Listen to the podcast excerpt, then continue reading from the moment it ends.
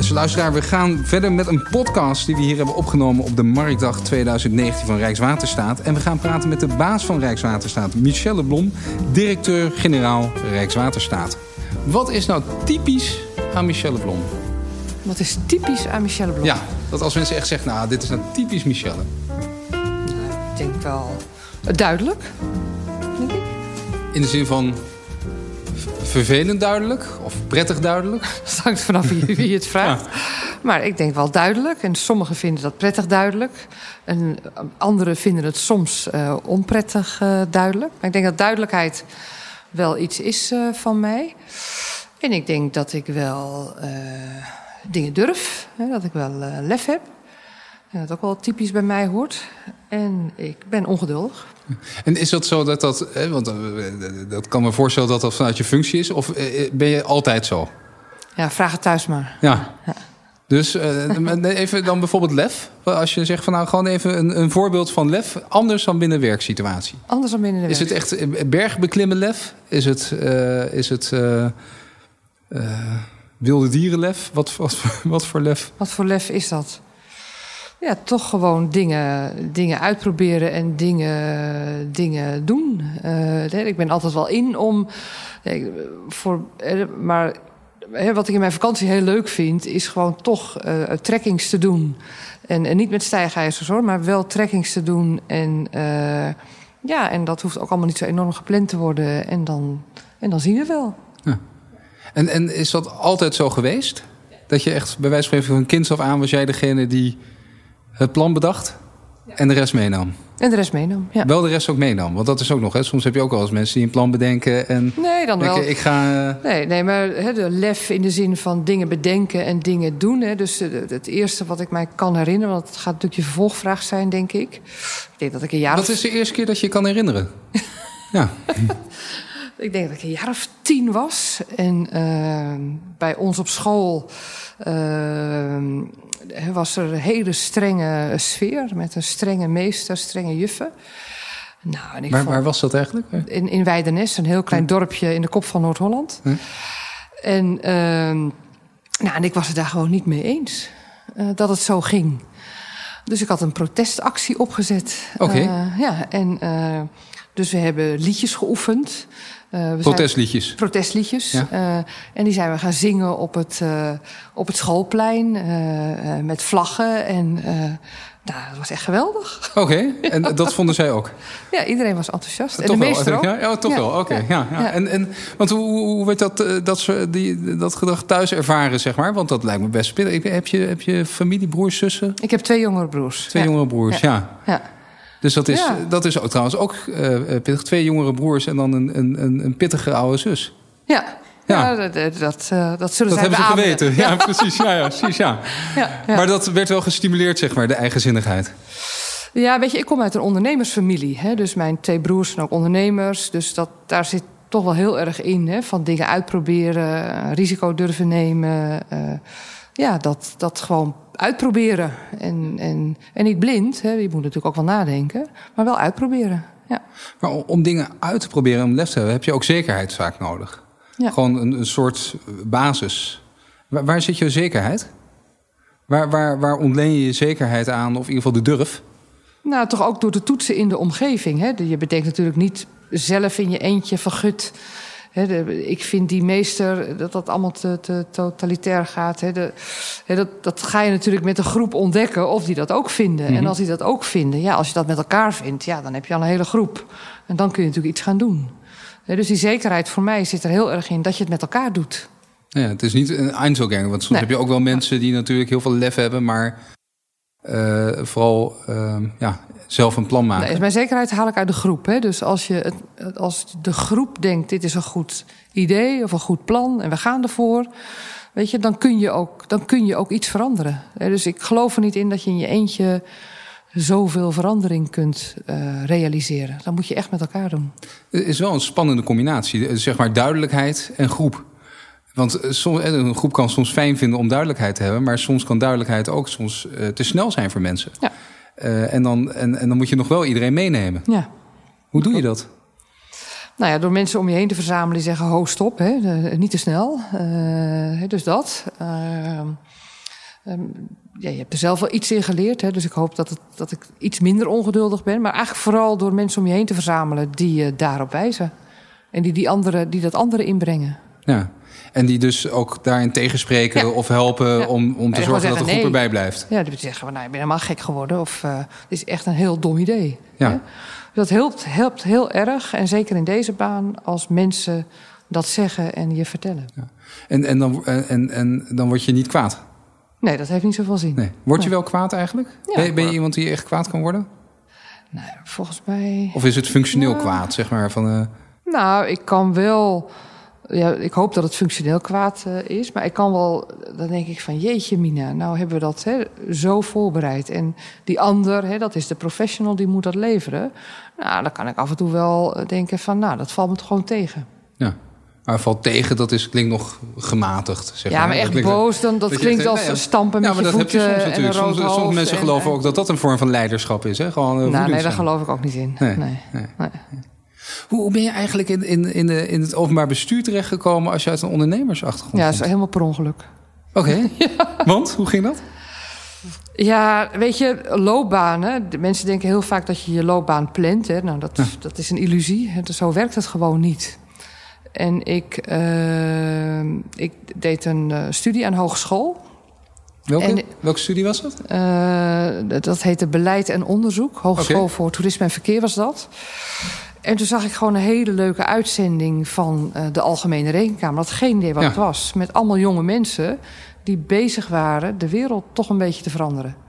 En toen dacht ik, nou, dat is leuk. En toen heb ik gewoon daar een voorstel naar geschreven van... nou, ik wil wel bij jullie afstuderen... en dit is mijn voorstel hoe ik dat ga doen. Oké. Okay.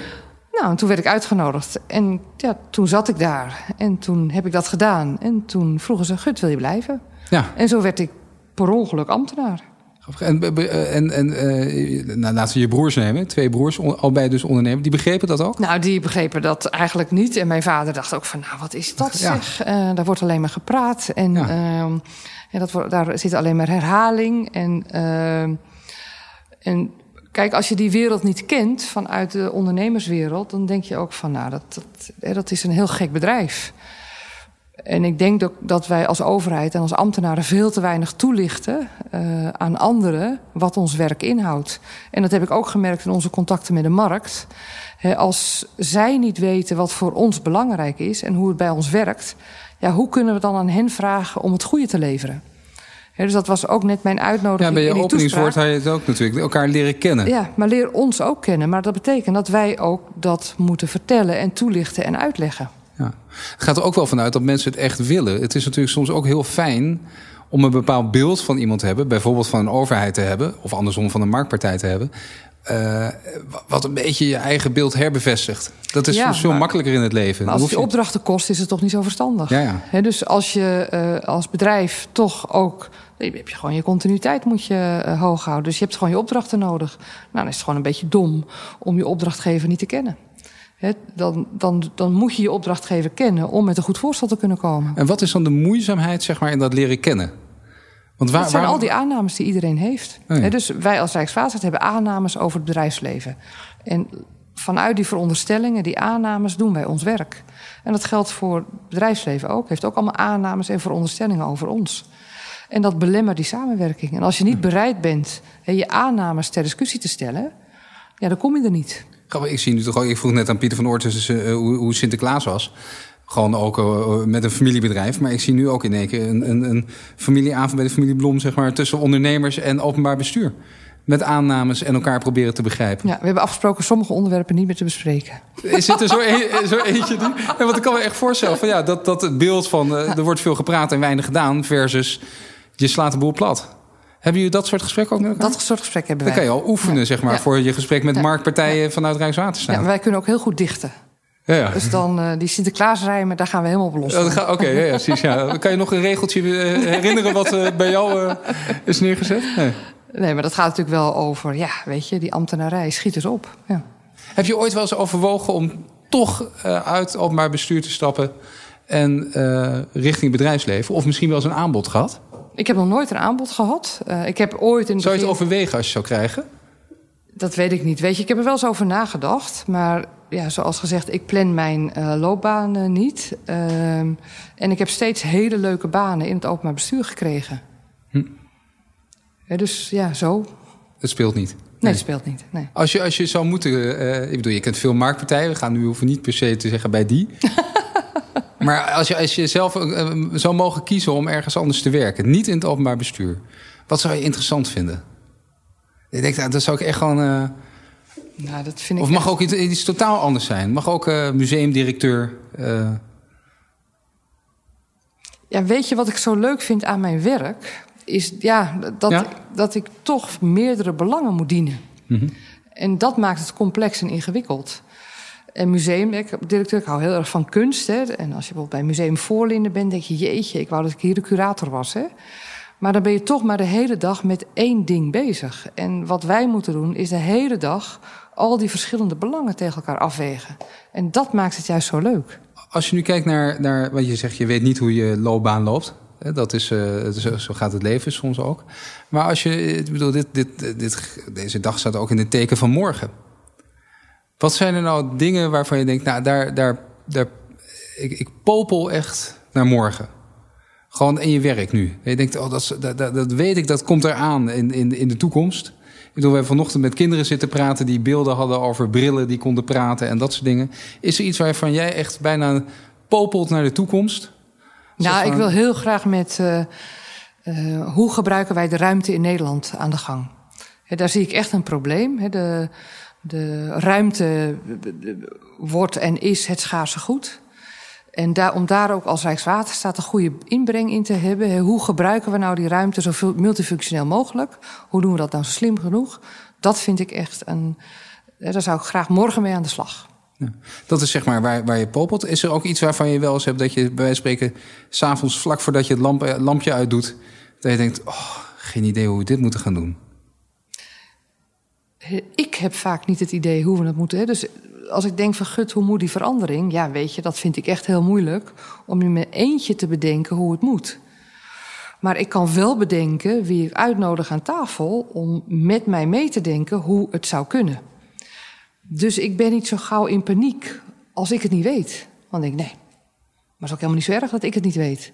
Als ik maar wel weet bij wie ik te raden kan gaan of wie ik kan vragen om met ons mee te denken, een antwoord te vinden. En dat vind ik ook een voorbeeld, weet je, over dat McKinsey-rapport. Ik had een idee van een beeld, het gaat niet goed. En ik kon ook nog wel een, een soort analyse maken, een conceptueel model waarom het niet goed loopt. Maar we hebben wel met elkaar dat rapport gemaakt. Met elkaar hebben we gezegd, ja, en waar zitten dan oplossingsmogelijkheden? Ja, maar ik had, we zijn ongeveer een jaar geleden begonnen met het McKinsey-rapport. Ik had niet het idee dat dit eruit ging komen. Mm -hmm. Nee. Maar volgens mij is dus, dat ook niet mogelijk. Nee. Dus eigenlijk, maar dan komen we weer terug bij het begin. Het, het, het, het, lef zit ook in met elkaar proberen iets vorm te geven. En, en, en met de groepen uiteindelijk ja, en steun en draagvlak te vinden om vooruit te komen. En vooral niet bang te zijn voor de uitkomst. He, dus heel veel mensen die, die zien een toekomstvraag...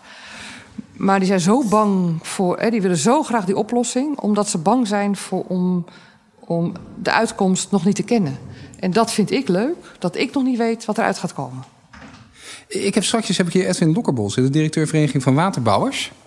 Wat, wat zou je nou van hem willen weten?